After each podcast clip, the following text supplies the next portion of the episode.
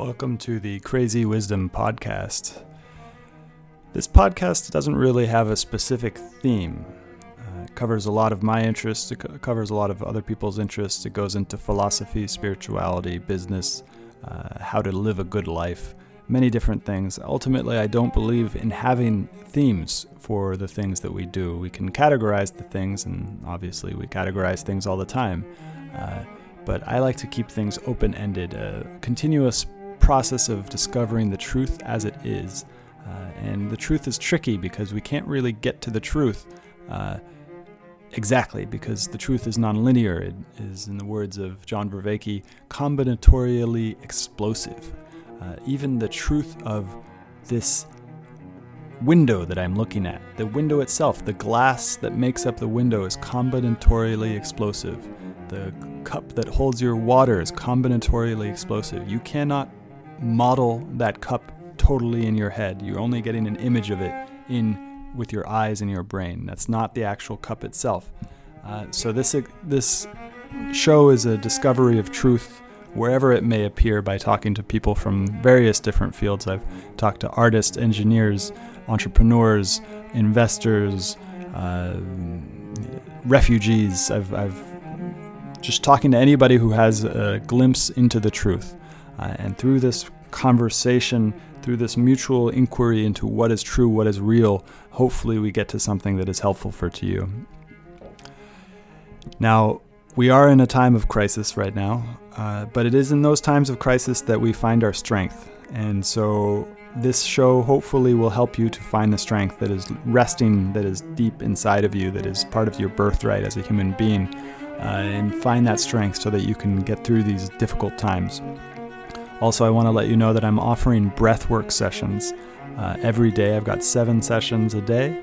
Uh, and really excited to bring this to people. People have been really enjoying it, and it has brought strength to people and courage. And, and that's my that's my goal is to help you find the courage to uh, not only survive but to thrive in the next couple years, maybe because this virus is not going away. Um, it, it, usually viruses come in waves.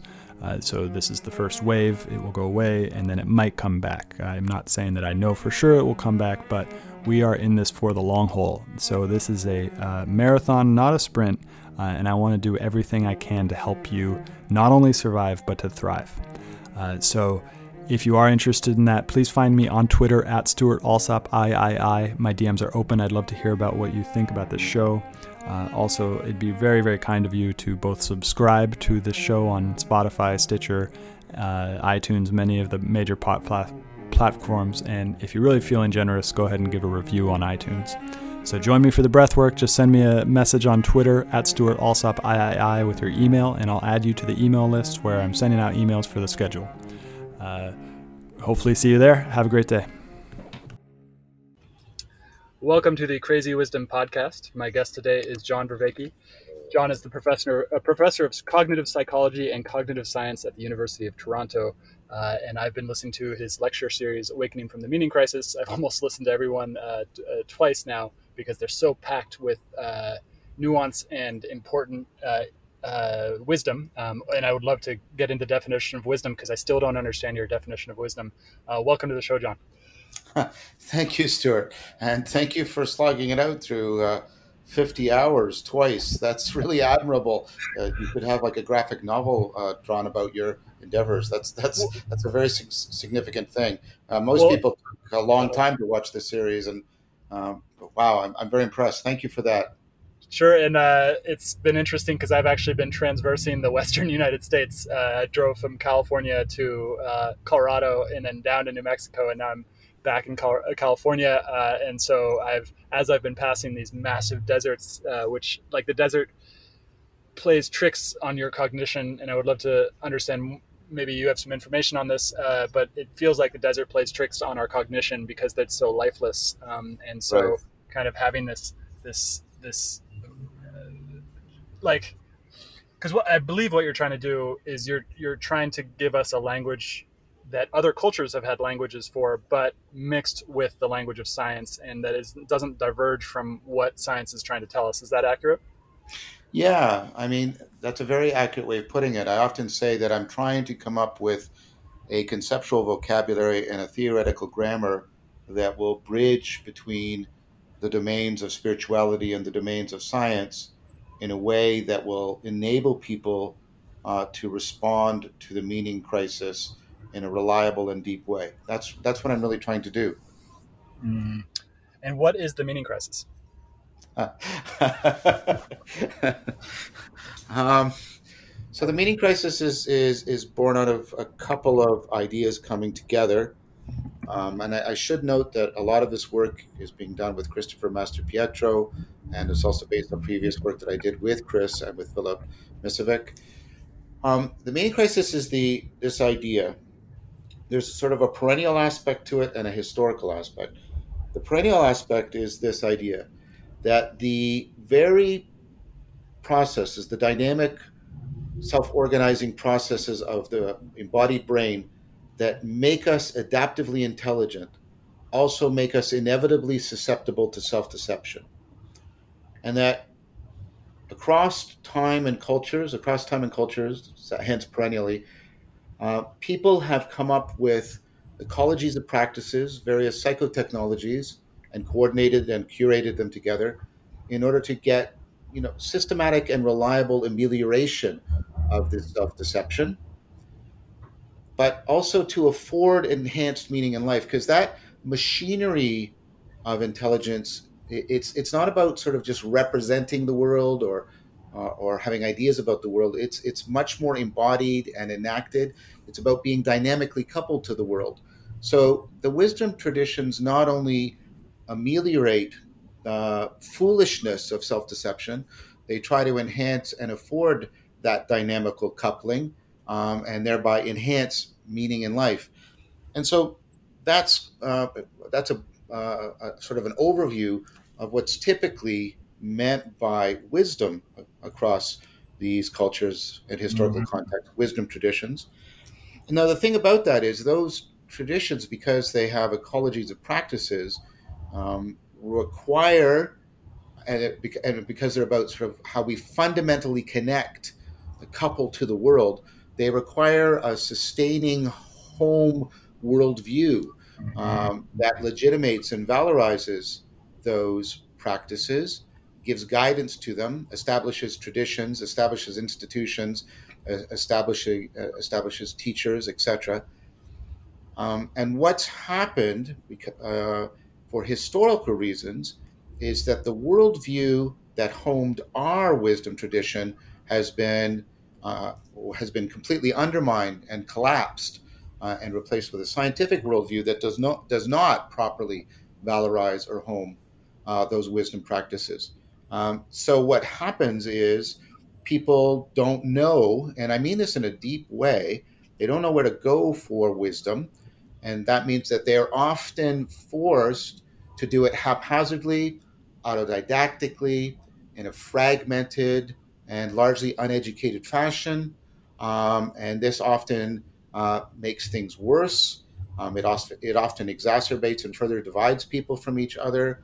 Um, and so the fact that we are unhomed in the universe and the fact that that unhoming has undermined our capacity for cultivating wisdom is what I'm calling the meaning crisis. Mm.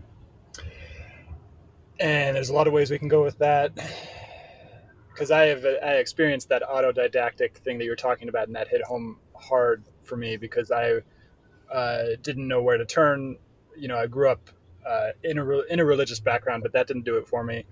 Uh, mm. and, and I grew up with a lot of uh, therapy, uh, and that didn't really do it for me either. Um, and then you know this this stuff called meditation came into you know I think I read about it in a, in a blog uh, in about Silicon Valley trying to make me more productive, uh, uh, and that and that led to that it was almost like a siddhi for those of my listeners who don't understand. It's like a a, a quest for powers, secret powers, and that secret power being productivity, which I think Silicon Valley is actually going to um, fall into is already falling into quite a bit and going to create a lot of problems um, from that. But I, I, fell into that, and it was auto, autodidactic. I had no teacher. I had no um, uh, somebody to give me actual feedback on where I was going, and it ended up in a multi four year, five year challenge that led into some health challenges that was just extremely difficult to pull myself out of, and I really needed feedback from people who had been there before, um, and and kind of a guided practice, and and that helped me. So I totally understood that. And then the other thing that I want to mention that came up from that was that I've been thinking a lot about how we the, the society is almost like a monolith. Like I've been reading a lot about the the Western United States and and how um, the United States did manifest destiny and took them over and and you know you had these Native American tribes and Americans would come into contact, but we don't really know what it was like to live in those before then, except for primary sources, which I'm and but we don't really have a good understanding of what it was like. And then there's this cultural force that kind of creates a monolith, and I see that happening in the global internet culture, um, and that we're entering this kind of like a global culture, but with a lot of differences. Because it's like you know, I lived in Thailand, I lived in, in, in a lot of different places with very different cultures. That uh, the cultural grammar, as you say, you have this shared cultural gra- grammar among young people, um, and those young people are creating their own kind of internet culture. And and you know, I don't really have anywhere to go with this, but I'm wondering if that sparks any thoughts in your mind.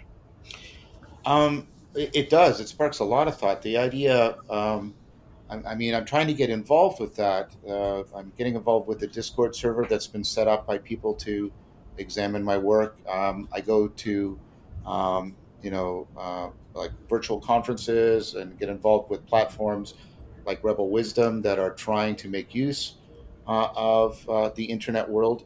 I'm talking a lot with Jordan Hall and his proposal of the Civium um, in which the internet uh, is going to play a significant role. Mm-hmm. So, I mean, general thoughts about that um, are one is there, of course, there is a, a significant, I, I, guess I would call it maladaptive response to the meaning crisis that is afforded by the internet. Let's call it the virtual world. And um, there's some, been some good books written on this, like the uh, the virtual exodus and reality is broken, um, in which people are more and more wanting to spend time in the virtual world because it mm-hmm. offers sort of the dimensions of meaning making that have been lost in the real world. I mean, let's take a video game as a prototypical example. Um, a video game has a clear narrative order in which there is an overarching purpose and in which your actions make a significant contribution. There is a nomological order. There, there's sets of rules that you understand and make the environment intelligible and a, a, a, a well-fitted arena to your agency. And there's a normative order in which you can self-transcend um, and, and, and improve yourself. And that's, of course, leveling up. And mm-hmm that attraction to that virtual world is precisely the case because, um, once again, we don't have any clear vision or articulation of those three orders um, in the real world. So that's a dangerous aspect uh, of the internet uh, culture. I think a positive aspect is I, I sometimes say to people, um, I'm not I'm not interested in trying to bring about an uh, uh, something like the French Revolution. I'm interested in bringing about something like the Axial Revolution, mm. and I see the the change um, possible in these forming communities of practices and the way they can network together in sort of you know in, in virtual space um, as the po- the real possibility, not just the abstract uh, utopian possibility, but the real possibility of an alternative culture taking shape. That's why I'm so interested in the work of that Jordan Hall is doing, an alternative culture taking shape. Um, and I think this is this is sort of the project that we need to do.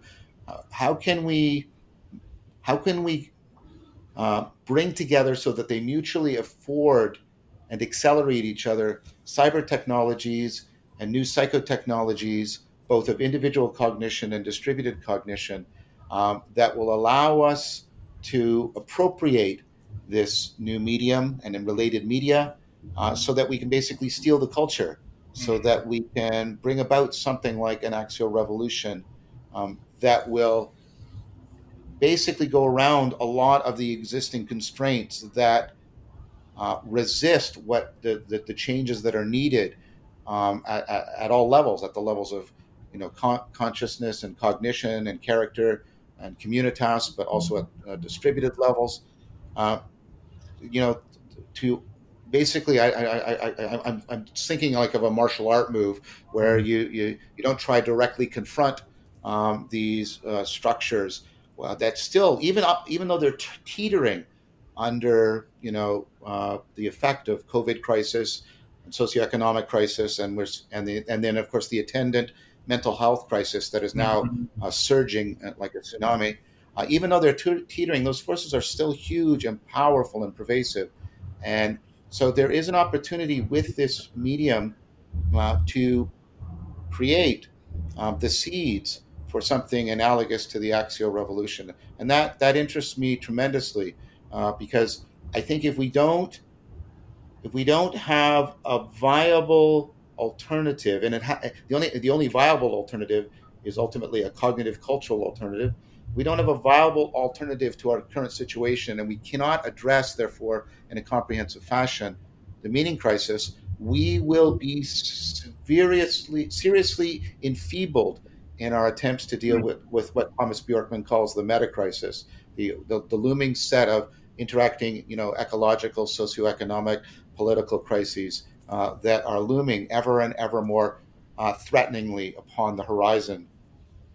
And this, so this gets into into wisdom because it seems like wisdom is the thing that if everyone had it would lead to subjective and objective maybe trans- transjective benefits to their life and then maybe go up from there into the society way thing but very few people seem to seek wisdom.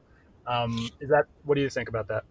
Well that that's interesting because there's a sense in which you're right in, in especially i mean in our culture mm. people don't have a focal explicit target.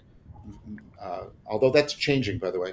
But mm. yeah I, I, understand your point and i agree with it. Most people do not have a focal explicit target of trying to become wiser so uh, they don't have a model of wisdom they often don't have a role model it's different for people by the way who are in uh, sort of established religious traditions but we're talking about by and large you know sort of uh, most people that are uh, sort of mostly secular, etc. And that's right. But if you, because I know this, because when I teach classes on the, you know, on the psychology and the cognitive science of wisdom, the response I get um, gives me good reason to say this. Everybody wants to reduce self-deception and foolishness. Everybody's aware of how they fall into self-destructive patterns of thinking and behaving, and, and how they harm and how that harms their life, um, thwarts their their goals, um, harms the lives that they come into contact with. But they're and they're also aware of the other moments, those moments of insight, those moments of genuine transformation, those moments when you feel deeply present with another person or present to the environment, deeply coupled to reality. You feel a kind of inner, uh, you know, harmony and, and, dynamic going on. So people are aware, uh, you know, to varying degrees. you know, you'd be surprised. About 30 to 40 percent of the population have mystical experiences, higher mm-hmm. states of consciousness. Uh, but so let's say, that, but people are on some kind of a continuum, and people do have an awareness, um, often one that causes them regret and confusion about how they fall prey to foolishness. That's what I'm calling mm-hmm. self-deceptive, self-destructive behavior. And they also have some experience, some taste um, of the alternative, um, that that sense of uh, of being in right relationship to oneself, to other people, to the world. Um, and if asked, could, would they like to more uh, more avoid the first and more and more accrue to the second? They overwhelmingly say yes. They overwhelmingly say yes. So that that dis- that distinction I just made is actually telling of the problem. The fact that people really do, in some sense, want wisdom, but they don't even articulate it that way, shows you how inept our culture is at addressing these fundamental needs that human beings have. Mm. Yep. And so, what is wisdom? I know you took like five or six episodes that I'm going to go about to listen to again. what, what is a shorter definition of wisdom? Okay, well, and I mean, yeah, that's hard. Uh, uh, and there's there's two sort of things in my mind. There's the work I do in my own lab, the Wisdom and Consciousness Study Lab, and with my my colleagues like Anderson Todd and Jun Kim. Um, uh, but um, and then there's also a recent consensus paper uh, head, headed by my friend and colleague uh, Igor Grossmann that I think is also very important. I'm going to sort of try and put uh, the two together uh, uh, in, in, my answer. So let's build towards this answer. And, and you did like I, am going to try and be as concise as I can, but as you said, you know, there's a lot there. Um, so let's pick up on what I just laid down as a good st- starting point that the very processes of our of your general intelligence that make you so adaptively intelligent uh, subject you to self-deception and cut you off from being appropriately in right relationship to yourself like your own body your own mind other people in the world. And let's say that the process the processes that systematically and reliably help us to become aware of sensitive to and capable of, again, systematically and, re- and reliably responding to that self deception and ameliorating it and overcoming it, uh, let's call that rationality. And that means we're going to have to go back to the ancient notion of ra- rationality. Stop, uh, s- stop with identifying it with sort of the, the Cartesian idea that um, rationality is logicality, um, and go back to the idea that rationality is ultimately about um, a systematic and reliable attempts to overcome self deception and then to infor- uh, afford enhanced meaning in life. So there's a sense in which what you do with your intelligence is you learn various, you learn and internalize various psycho technologies that help to do that, that help to ameliorate your self deception and afford enhanced uh, uh, um, meaning in life. And let's like I, I, like I say that let's call those uh, that that result of internalized psychotech that is self-corrective for intelligence. Let's call that rationality. Now, there's a further idea, and the idea is that you don't have a, a single kind of knowing, and this is part of also my critique of the Cartesian framework. Right? We have reduced knowing to what I call just propositional knowing which is knowing that something is the case and having, and the result of that are beliefs that we are convinced, conviction, uh, are, are, true. But that's not the same, nor can it uh, uh, can it replace procedural knowing, which is your, which is knowing how to do something. It's having a skill uh, so that you your actions are graceful and right? Um, and they're deft, and they're and you are powerful uh, in your interactions with the world. And but the thing is that that that that that pro- that procedural knowing, that that skill knowledge, is dependent on a more primordial kind of knowing, which is perspectival knowing. That's the kind of knowing you have by being in a particular state of mind and how it puts you in a particular perspective, a, a, a particular uh, sense of here nowness and, and, and the way things are salient to you and they're standing out to you. And that gives you your situational awareness. And that situational awareness is uh, w- what you need in order to learn and apply your skills appropriately. That's why the procedural knowledge is dependent on the perspectival knowledge. And that's why altered states of consciousness can be so important. But that perspectival knowing ultimately depends on a, a, deeper kind of knowing, which is participatory knowing. Uh, participatory knowing is exactly that knowing that comes into awareness when we're talking about meaning in life. It's it's the kind of knowing that occurs by how you are how you are coupled to the world, how your biology, your your culture, and the dynamics of your uh, uh of your embodied brain co-shape the environment and you to each other mm-hmm. so that you have a, a lot of affordances available to you. And those affordances really help to get the bedrock of your belongingness, your your, your fittedness uh, to your world in place. And what, what they do is they basically um, give um, like I said, the, the participatory knowing gives you a set of affordances that the perspectival knowing selects in situational awareness that then get activated in the procedural knowledge of specific skills. And then some of those skills are ultimately brought to bear on how you manipulate propositional representations. Now, all of that's important because what I tried to show is the propositional know, know, knowledge is actually deeply dependent on in, in this layered fashion the procedural, which is dependent on the perspectival, which is dependent on the participatory. And what that means is each one of these ways of knowing has different ways in which you fall prey to self deception.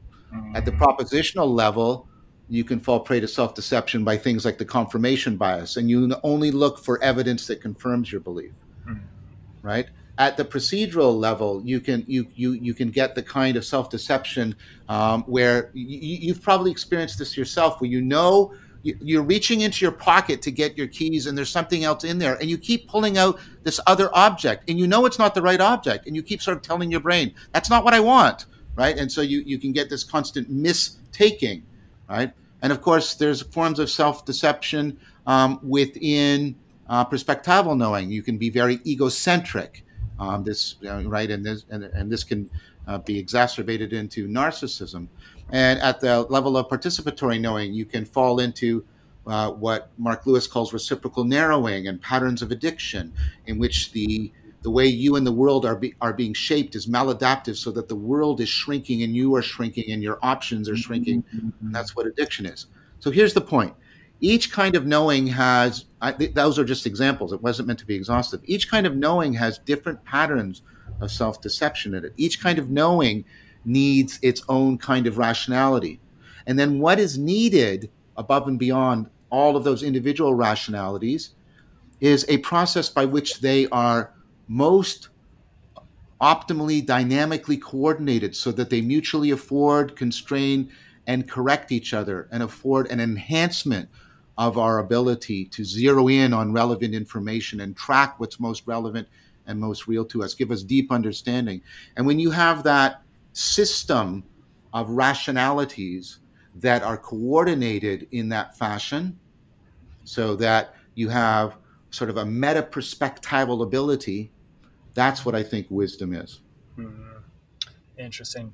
So, and I'm pretty sure you probably talked about this a lot, and hopefully I'm not boring you, but I want to take it in a maybe a direction you haven't gone before, but you could have already. Uh, so have you heard of the term crazy wisdom before? Yes, of course. Yeah, and and so where does and crazy wisdom isn't the only term that's been used. It happened to be the one that was popularized by Chögyam, Chögyam Rinpoche, but um, yeah. uh, there are other terms for it. And it's actually a, a side note I love about what you're doing is because a lot of these things in Eastern traditions have a lot of vocabulary around them, but I didn't realize that the Western traditions also have a lot of vocabulary yes. around. Them. Yes. And, uh, divine madness would be the the the Western corollary to to crazy wisdom, um, and yeah. I think there's a few other too. What where does where does that fit into everything you just described?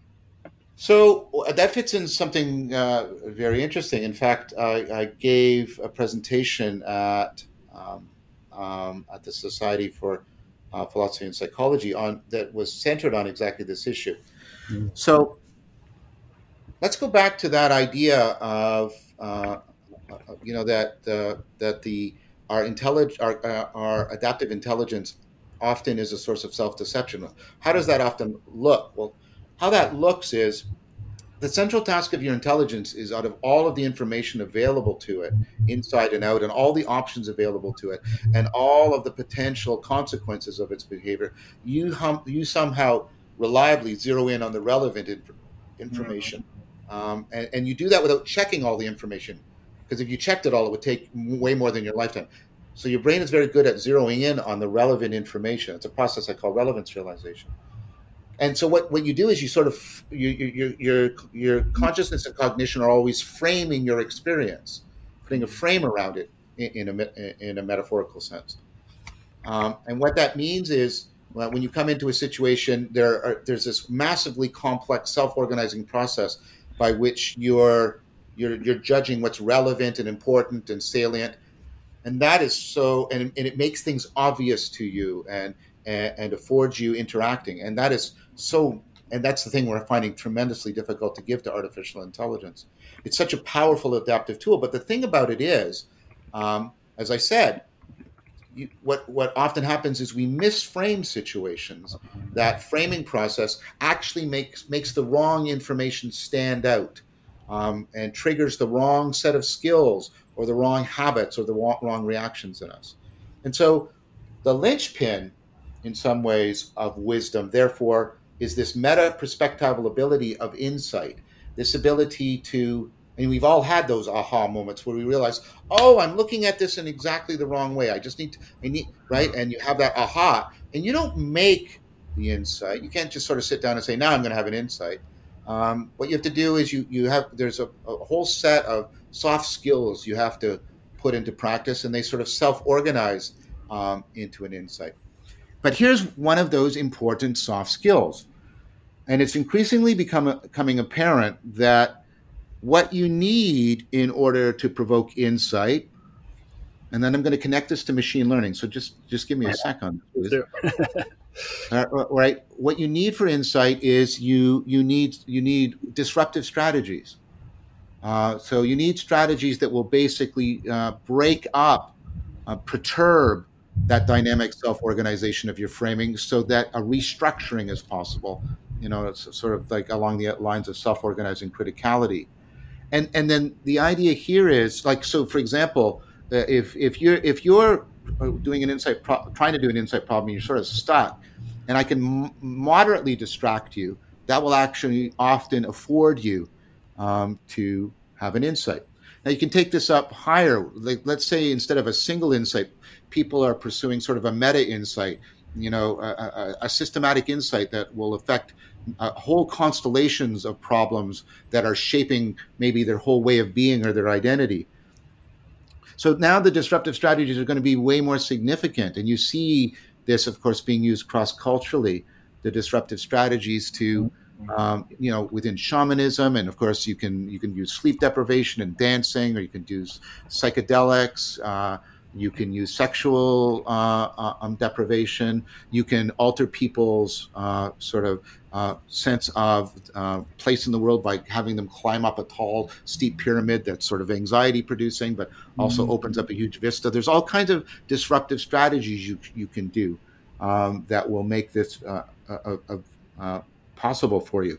And th- when you get these more comprehensive disruptive strategies, you tend to get a more, like I say, more comprehensive um, insight. So it's not just an insight in your consciousness it's it's an insight of your entire consciousness mm-hmm. your entire consciousness is being restructured and ultimately potentially your identity now this links up with machine learning uh, so when you get you know, when you get really powerful neural networks and they're trying and they're taking in like a lot of data complex data you have the problem of what's called overfitting they tend to pick up on patterns that are in your particular data sample that don't transfer uh, uh, you know, they don't generalize to uh, wider contexts. And so, what, what's used in, in machine learning are various disruptive strategies. Um, you might throw in noise into the neural network to really disrupt it. You might uh, do dropout and shut off half of the nodes. And the idea is these disruptive strategies actually prevent the network from uh, locking down into too narrow of a framing and they allow the networks to explore more expansive, um, uh, you know, possibilities within, within its state space. And so, Daniel Gregg and I, Dan Craig and I have been working around this idea in conjunction with. Uh, on, I'm trying to remember that. I think it was uh, Woodward. I, I might be misremembering that name, and I apologize if I have.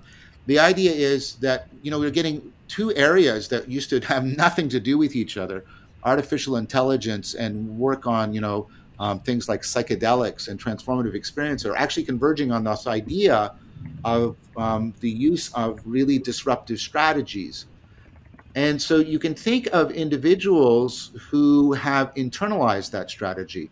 They're not relying just on external disruption. They've learned how to periodically uh, disrupt their own cognition and trigger a restructuring of its dynamic self organization.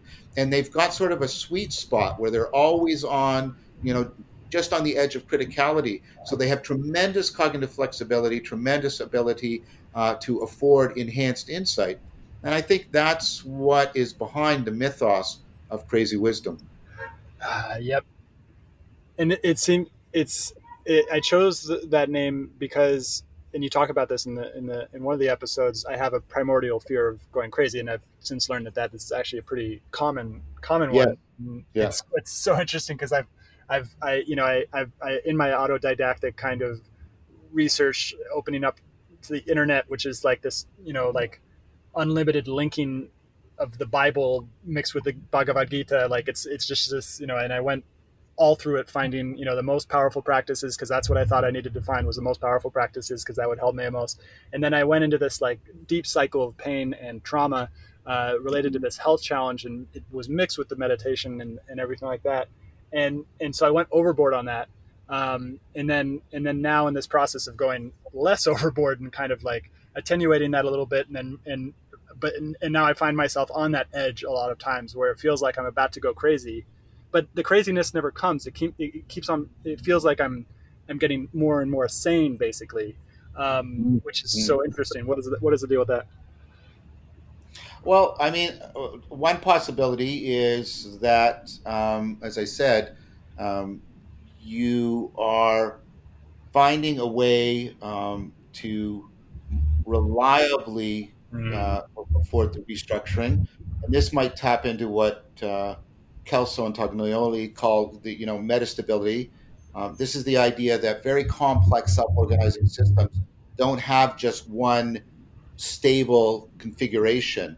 Um, if you perturb them enough, uh, uh, they will dynamically restructure into often a more complex uh, but stable uh, uh, configuration.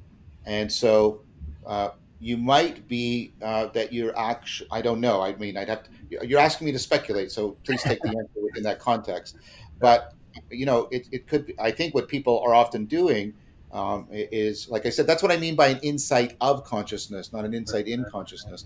That Yeah. it's possible to shift uh, and tap into the, the metastability of the brain. We, we, we already do this naturally. We do this developmentally as we move from being children to adults. Um, and of course, um, there's related phenomena that might be sort of really dramatic forms uh, uh, of, uh, of such shifts in metastability, uh, like religious conversion or satori or things like that. Uh, so that could be uh, what you're what you're what you're putting your finger on right now. Yeah, and this leads me to one of the most helpful things that I've done, and uh, w- which was I, I recently did an iboga ceremony in the traditional Bwiti style uh, Western African uh, uh, root called iboga, which has the main chemical ibogaine along with a lot of other uh, powerful chemicals, um, and it's a completely disruptive experience uh, for 24 hours.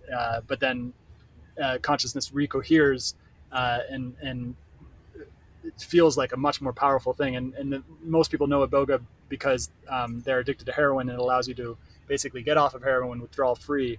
That's not the reason that I took it. I took it more for depression, um, Mm-hmm. Mm-hmm. things like that, uh, and it has been very powerful. Uh, some points like you know like oh maybe I shouldn't have done that because it was so powerful, but overall life seems to be getting better and better. And it, it, it, they say the, the the people in the Bwiti say it lasts for six months. I'm not sure whether that's been verified or not. Um, it lasts for the noribogaine which is the um, the chemical that it turns into in your body, lasts in your blood for about six months. So it's con- it's continuing to work, and I've definitely felt that. Um, so it's really. Have you heard of iboga before? Oh yes, and Mhm. I would point you to the work of my good friend and colleague Anderson Todd, who's got several talks about this and done quite a bit of work on it. Um, I would also point you to the work I'm doing again with Daniel Gregg and the um, the the book. The we're working on a book t- together called The Cognitive Continuum, and the idea uh, that Dan and I are developing. Um, it's it's an idea we independently came up with, but it converges with work by Andrew Newberg and others. Is that there's actually a continuum, a cognitive continuum. You're basically exapting the same machinery uh, of like insight. There's a continuum between insight and then flow, and that goes to work I did with Leo Ferraro uh, and Arianne Herrera-Bennett. Um, there's a you know this flow is basically an insight cascade, and then mystical experiences are basically a kind of higher order uh, flow, but not uh, so much sensory motor flow, mm. but more on what's called optimal gripping, and then that gets into higher states of consciousness, which are more like what you're talking about here, in which people get a sense um, of being sort of in contact with what more real or a deeper aspect of reality. Um, and so the idea is that it, it, these the, all of these experiences are actually on a continuum, and what's happening is uh, the same basic machinery is being reused, but but also exapted uh, in a more powerful fashion. Um, so I mean that makes sense to me. I, I don't I haven't studied that, and I don't have any experience of people. Uh, uh, uh well, I've talked to some people who who who've done iboga. Mm. Um, I do a little. I do more work sort of on um, uh, basically on psilocybin um, mm. because. Uh, but there's there's convergent lines of evidence about you know the ability to uh, uh, release people from addiction, and I think this has to go again with realizing that there's knowing below the levels of our belief there's the perspectival and participatory knowing, because that's what the psychedelics change. And that's how they alleviate you. They don't change you by changing your beliefs, they change the way in which you're dynamically coupled to the world. They change the way in which your salience landscaping. And then that affords the transformation out of the addiction, etc. And so, mm-hmm. um, yeah, there's lots of converging evidence around this. No, we have to be careful. I, I mean, I, it, I also and, and you, you, you followed this. You, you, these kinds of things. Think about what we said earlier, right? It's a mistake to think that we should we can just take these drugs, right? That's that's a fundamental mistake. That's to fall into the misframing that mm-hmm. you know I've said we need to challenge. It's to say, well, what I'm going to do is I'm going to sort of autodidactically and you know without any kind of cultural framing, without any kind of sapiential training, I'm going to throw, and without any even understanding of what it is, what wisdom is, I'm going to just take this drug and bang. Like that is such a mistake. It's first of all, you're going to really open yourself up to a lot of self-deception, and secondly, you're you're actually with this psychedelic drug, you're actually reinforcing hmm. the cultural cognitive grammar that is entrapping people in the meaning crisis. Hmm. So while I think we should not criminalize these substances, because I think prohibition is a the evidence is overwhelming that it is a failed strategy, and these you know these these drugs are typically not you know they do not um, have high high rates of addiction or anything like that. I mean they, they, they're not risk free. I'm not saying that at all, but I think right we need to understand that these drugs have to be taken within a sacred setting in which the cultivation of wisdom right is foregrounded, and the drug is being taken by people who are already on a committed path of training skills, sensitivities, and virtues uh, of becoming more wise, both mm-hmm. individually and collectively. So, in it, what do you think about the works of MAPS? Is MAPS like because it seems like there could be a fail point in the scientific understanding as well, where there's essentially like these these things are just chemicals. We don't need anything um, anything, any sort of overarching process to put them into perspective. Um, it seems like the, the, the scientific worldview could lead to that. What do you think about the various attempts at putting these into what you're trying to talk about, which is this a, wisdom tradition that is that is um, that is also uh, concordant with the the scientific worldview? Yeah, I mean, I, I, I, um, Mark Haden, I believe, at Maps uh, the work he's doing, I think, is is important. Uh, I think that that that view, let's call it a very reductionist view, that it's just the chemical.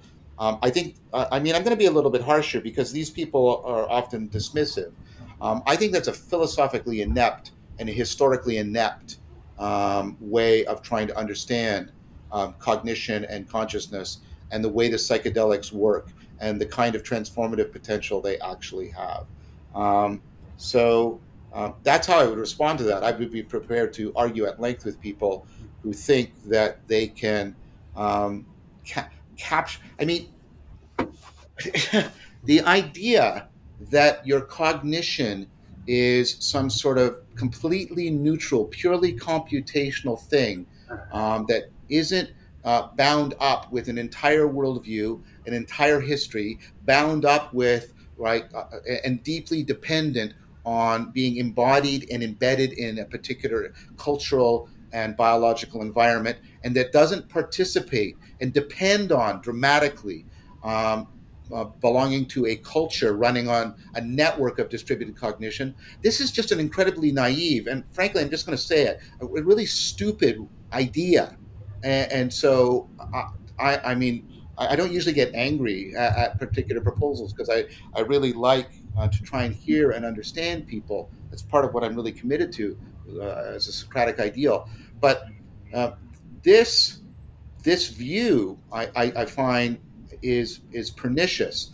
Now, I and because I, I, precisely think it is not representative of a scientific uh, attitude. A scientific attitude is one that should be always engaging in experimental competition, theoretical debate that is open to wonder, that is open to questioning, right? When you're opening up a new domain you don't get con- right? You don't say well everything we've always done is exactly the way we should do it.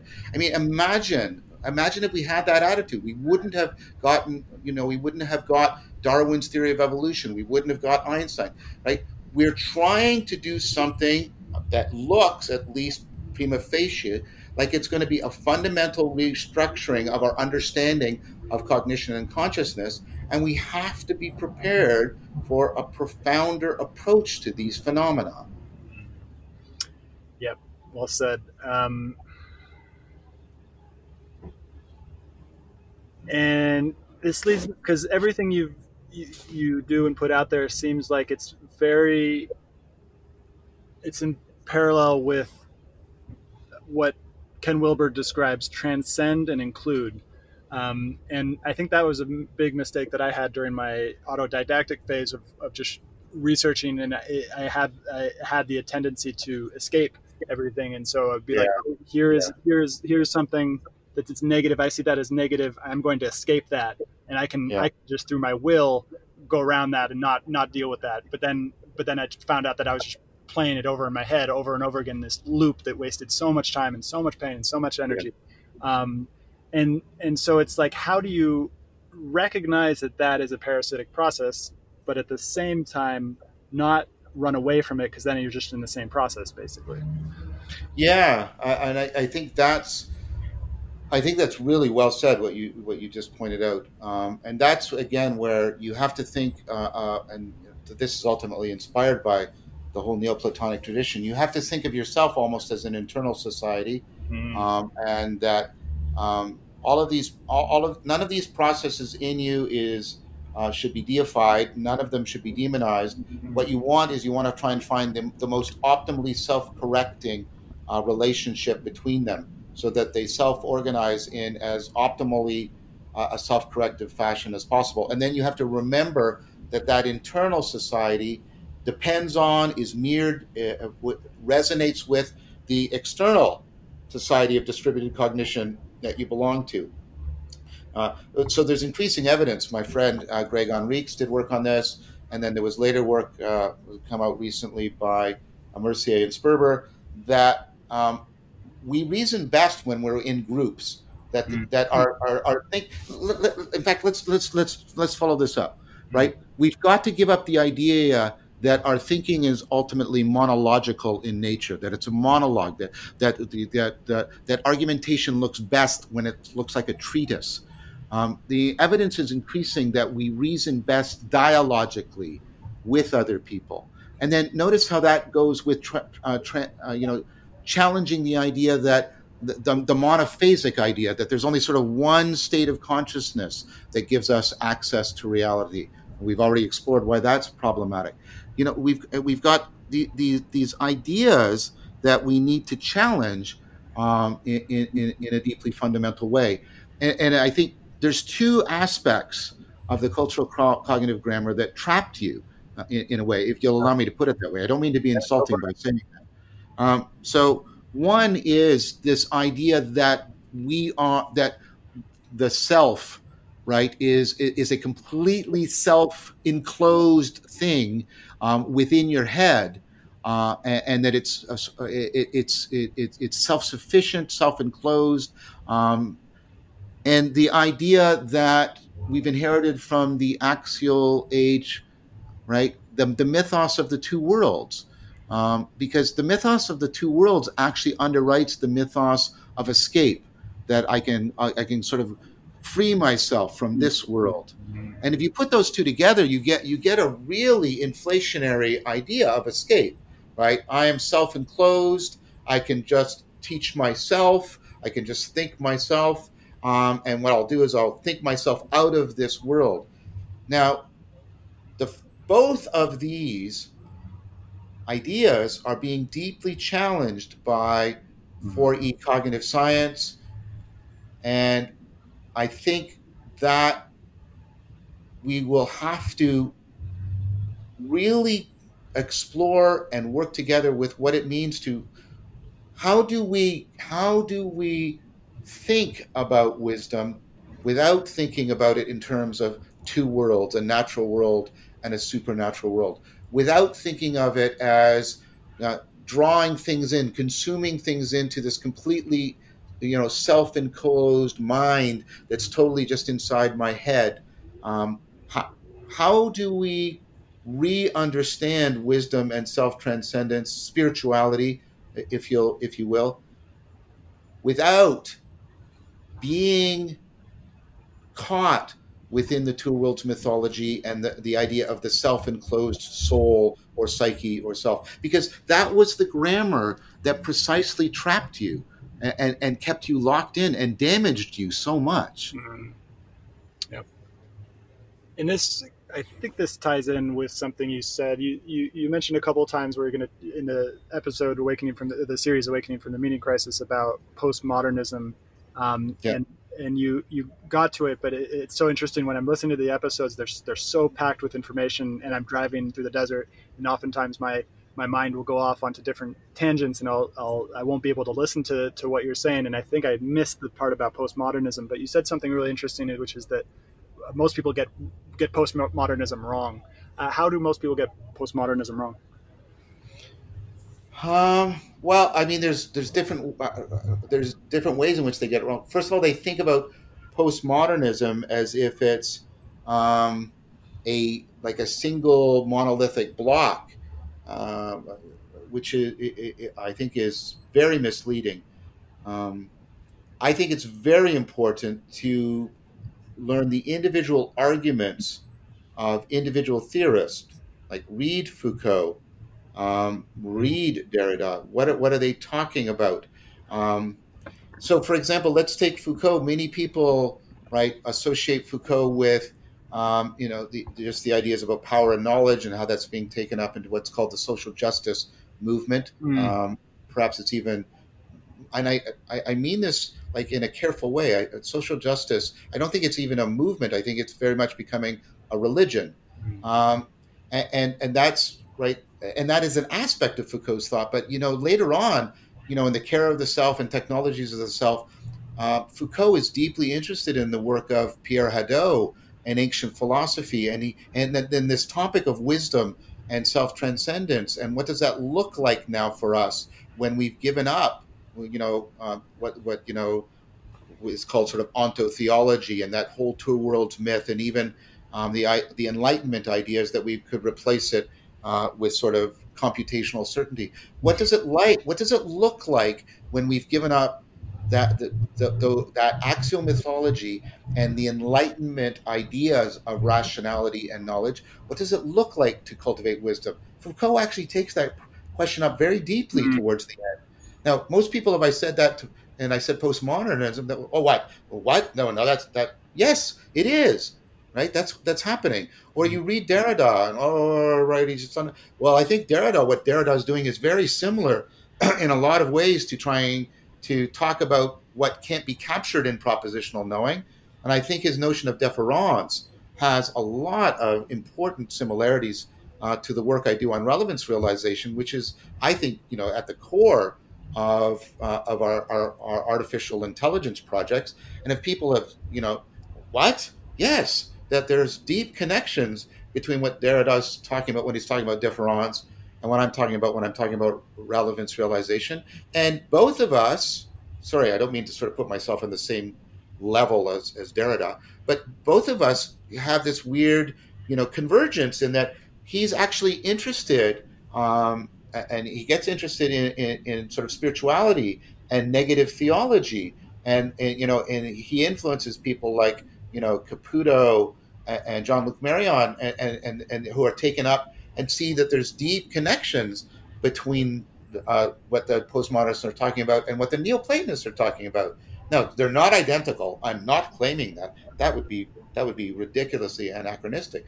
But the idea that all of these things are now Derrida actually puts into right a possible conversation, you know, aspects of theology, spirituality, artificial intelligence, and, and, and, an understanding of hermeneutics and the reading of text. Well, that's important, right? That's important. I disagree with Derrida, but I spent a lot of time reading it and reading him and, uh, and some of Foucault and gone back and doing a, a lot on understanding Heidegger and then also and how that comes into uh, you know the spiritual domain through people like John Caputo and Mark Taylor and others. Like there's a lot more going on there, and to simply label it um, as you know a, a kind of anti-intellectual relativism mm, that is the philosophical foundation of the social justice religion, I think is to do it a significant disservice. And I think postmodernism um, is, if you'll allow me uh, uh, uh, to circle back, I think postmodernism is a deeply disruptive strategy for our cognitive mm-hmm. cultural grammar that can afford a restructuring and a deeper kind of wisdom. And I take it that that's partially what's going on in the meta modern movement. They're trying to see how postmodernism can be more appropriately understood as a cultural, cognitive, historical disruptive strategy that then affords something beyond it. Mm, that's a really good point. And it reminds me of the book The Master and His Emissary, which Oh, Iain. Yeah. Oh, I don't know if you got I don't know if you saw it, but I, I had a wonderful uh, we both enjoyed it deeply. Uh, uh we both hope that at some point uh, Rebel Wisdom put this together, uh, but Iain and I both hope that at some point we can talk again uh, because that that dialogue uh, was really wonderful and enriching. Um, yeah, and I, I, as, as, you were doing, I would recommend I would recommend the book. Okay, that's uh, that's yeah, that's that's public. Um, and uh, so he talks about the corpus callosum, which is this thin strip yep. of material in between the right brain and the left brain, and it talks about how it's uh, might be inhibitory, um, uh, and and and it might be going off in places I don't really know that well, but uh, you know, it, it like it there is there is a ideal place for inhibition, just like there is an ideal place for um, more connectedness. Um, yes, that, yes, you have to have both. Yeah, you have to be integrating and differentiating all the time, mm. and, and, the relationship between the two hemispheres should not should be thought more of as, as opponent processing. Mm. Opponent processing mm. is, you know, it's basically it's an adaptive form of self organization that's pervasive out through, throughout your nervous system your autonomic nervous system is divided into the sympathetic and parasympathetic system. Uh, the sympathetic system is always over interpreting stimulus, right? It's very biased and it tries to interpret everything as an indication that you should raise your level of metabolic arousal. And your parasympathetic system is biased and it's always trying to overinterpret things as evidence um, that uh, that you should be reducing your level of arousal.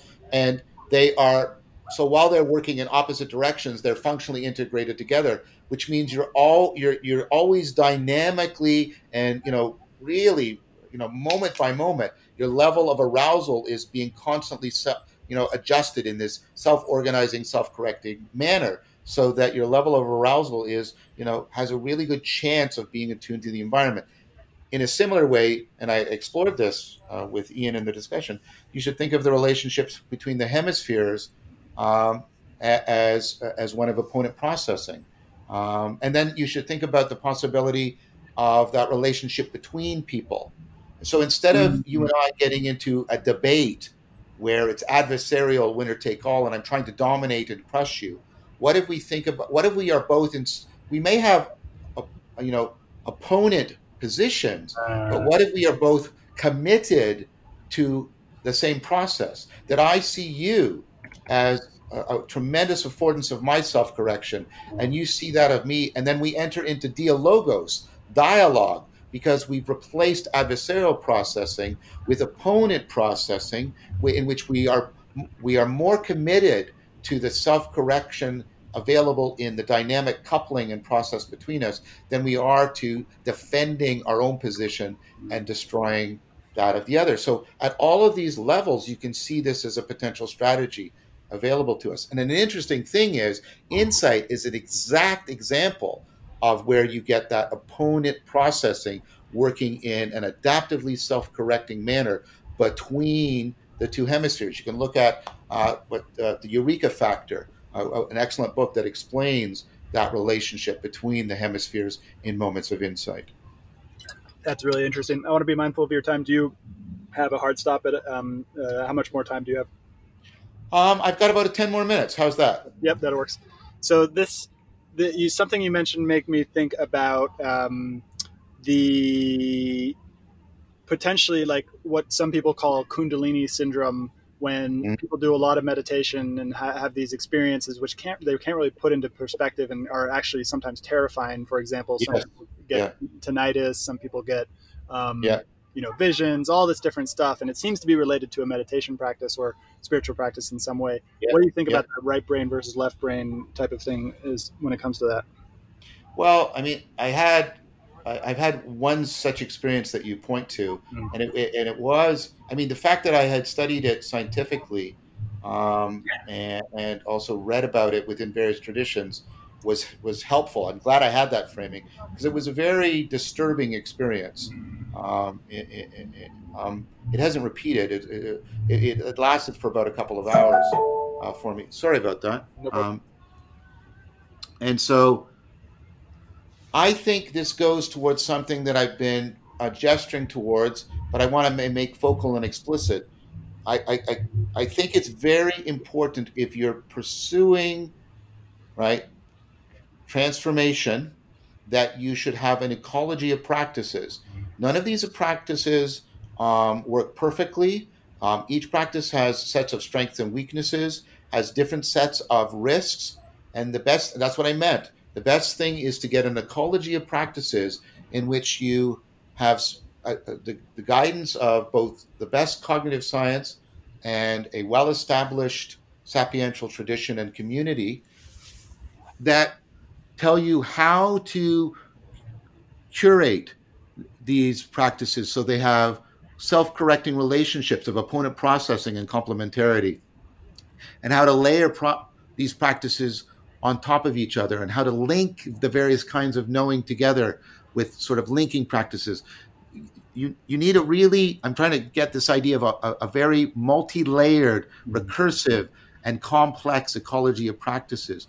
That's uh, what you need. And that's why you see many traditions I mean, that's kind of what a religion does, right? Think about the eightfold path. There's a, you know, each each one of the eightfold things is not a practice. It's a it's a whole domain of praxis. It's a whole set of practices that you and you and the idea is it's like an eight-spoked wheel. That's why it's often represented. They are all mutually interdependent, mutually constraining, and they're self-organizing because a wheel rolls, right? It evol- it revolves, which is a metaphor for the way we can evolve you need a complex ecology of practices set within a sapiential framework and grounded in the best science, cognitive science that we have right now. That is the best way, I think, to ameliorate um, uh, being overwhelmed by these.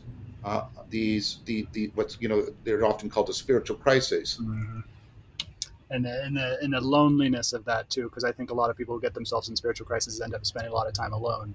Um, well, that's exactly it, and that's part of what we were talking about earlier. That you know that that that autodidactism, that fragmented uh, thing. But you know how that see how that's also born again of uh, what we were talking about. Mm-hmm. It's the idea that spirituality is something inside you, mm-hmm. inside mm-hmm. your, and you're self-enclosed, and, and, and you know, and that um, it, it's an individualistic project that all of this, all, all, this whole notion of the monolithic mind has to be seriously challenged. That's beautiful. Okay, so how can people find out more about you and your work? Where can they go to find out more? Oh, so I mean, they can watch Awakening from the Meaning Crisis, which is a lecture series that addresses these in depth. They can also, I have an ongoing uh, dialogue, Dialogos series, which is called Voices with Vervaeke, oh. where I, I, I discuss, I have long form discussions, dialogues, like I was talking about earlier, right? That, that, that two people being sort of coupled together, right? They can, they can be doing opponent processing, but they're committed to the, the, the goal is not to win. The goal is for both people to get to a place that they couldn't get to on their own, mm-hmm. a kind of, you know, shared flow of insights. Um, so that's what Voices with Vervaeke is. And I'm having discussions with people, and the people are chosen precisely because they're trying to bridge between uh, science and spirituality. They're trying to respond to the meaning crisis.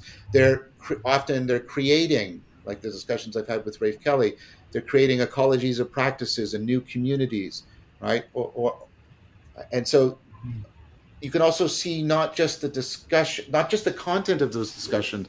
In many of them, like the many of them, especially the ones I'm having with, you know, Jordan Hall or Jordan Hall and Guy Sengstock and Chris Mastropietro, or with Chris and Andrew Sweeney, or with Andrew Sweeney and Zak Stein. Like all of these are also trying to exemplify this process, this dialogical process. Mm-hmm. So that's how people can be aware. There's a third thing that might be beneficial to people I offer every morning, uh, 9:30 Eastern Time, a free meditation, contemplation, cultivation of wisdom course, uh, where I and it's a progressive course, um, and people can come. And there's a, a sangha that's uh, that has formed around it, a wonderful sangha, and then um, what what what what's all, and we've already completed the introductory course and we're, we're moving into advanced and but all of this is recorded. The lessons are picked out. You can go and learn the lessons um, and you can start joining the sangha and start meeting uh, uh, and, sitting with people and doing the regular q&a because i answer q&a and there's discussion uh, amongst the people. So um, I, am I'm, I'm not just talking about this. I'm actually offering um, for free uh, the teaching and, uh, and a, a community a sangha uh, for an ecology of practices. And then that actually fits into a larger community that's taking shape hmm. um, around it and in, and, and in, in, in connection with it uh, that I also uh, am, am, participating in. And there's a Discord server you can go on um, where there's a whole community of people there. I think it's close to a thousand people now. Some of them uh, do the meditation and the contemplation uh, class, and then they meet afterwards and they talk. But there's also many, many groups on there talking about uh, the, the, series Awakening from the Meaning Crisis, talking with about the Voices with Vervaeke. You'll uh, many of the people that come on with Voices with Vervaeke, like Paul VanderKlay or Rafe Kelley or Greg Henriques, will then go on the Discord server. Jordan Hall's going to be on there soon. Mm-hmm. They go on the Discord server and do a, a Q&A there. So though there, there, there's, you know, I guess there's like four things that are available for people in order to get more familiar with my work. Interesting. And for this last minute or two, do you know of any cognitive science program that is successfully adapted to online and also has a good credential? No, I don't. um, I, I, I mean, I'm involved with trying to make that happen right, uh, at, cool. like at, at the University of Toronto. I will become the director in July on July 1st of the cognitive science program nice. at the University of Toronto. So that's going to be one of the things I'm going to try and uh, and do more work on. And then I'm also I'm also hoping to, um, uh, you know, get the cognitive science program a little bit more um, out there because it, it's the it, not not specifically the cognitive science program. I want to do that, but the the, the student organization um, associated with the cognitive science program at Toronto is one of the best student organizations. They, they've become very adept at uh, community building and affording the program. They've won an award actually for being one of the best student groups in all of North America. And so I, would like the, them also to be uh, known more as, uh, as I think a very helpful example in that at this time. Cool. Well, thank you so much. This was an absolute pleasure. Um, huge, huge thank you. Oh, thank you, Stewart. I hope you uh, I hope you found it useful. Uh, let me know when this goes up, and I will I will sort of broadcast it to my community. Thank you. Talk soon. Okay. Thank you very much. Take care.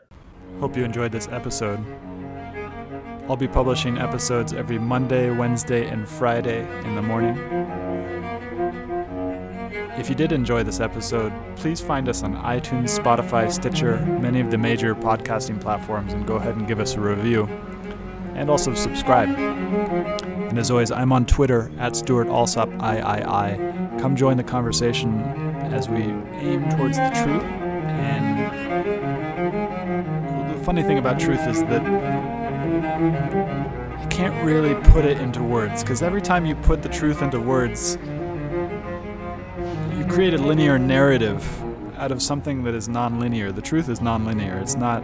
It's. It's. If you really recognize the truth right now, your mind wouldn't know what to do. It'd be overwhelmed by beauty, pain, or it's. It's something that is beyond our linguistic capability to represent but that doesn't mean that the language isn't helpful. Language can point us in the direct right direction, but it's it's not it's not the truth itself. And so come join this collective inquiry into the truth.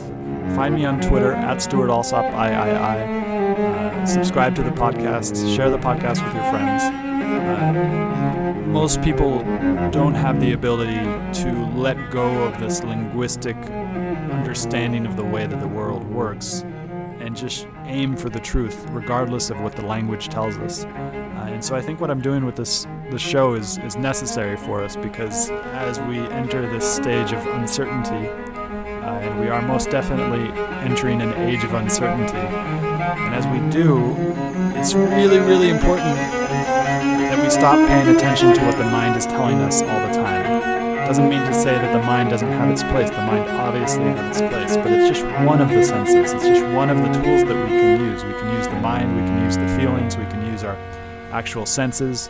Uh, we can check our intuition with other people because sometimes the intuition tells us the wrong thing as well. Sometimes the intuition is wrong. So it, we can't we can't rely on any one tool to get us there. So come join the show. Find us on iTunes. Find us on Twitter at Stewart Alsop III, uh, and come join the, this inquiry for truth.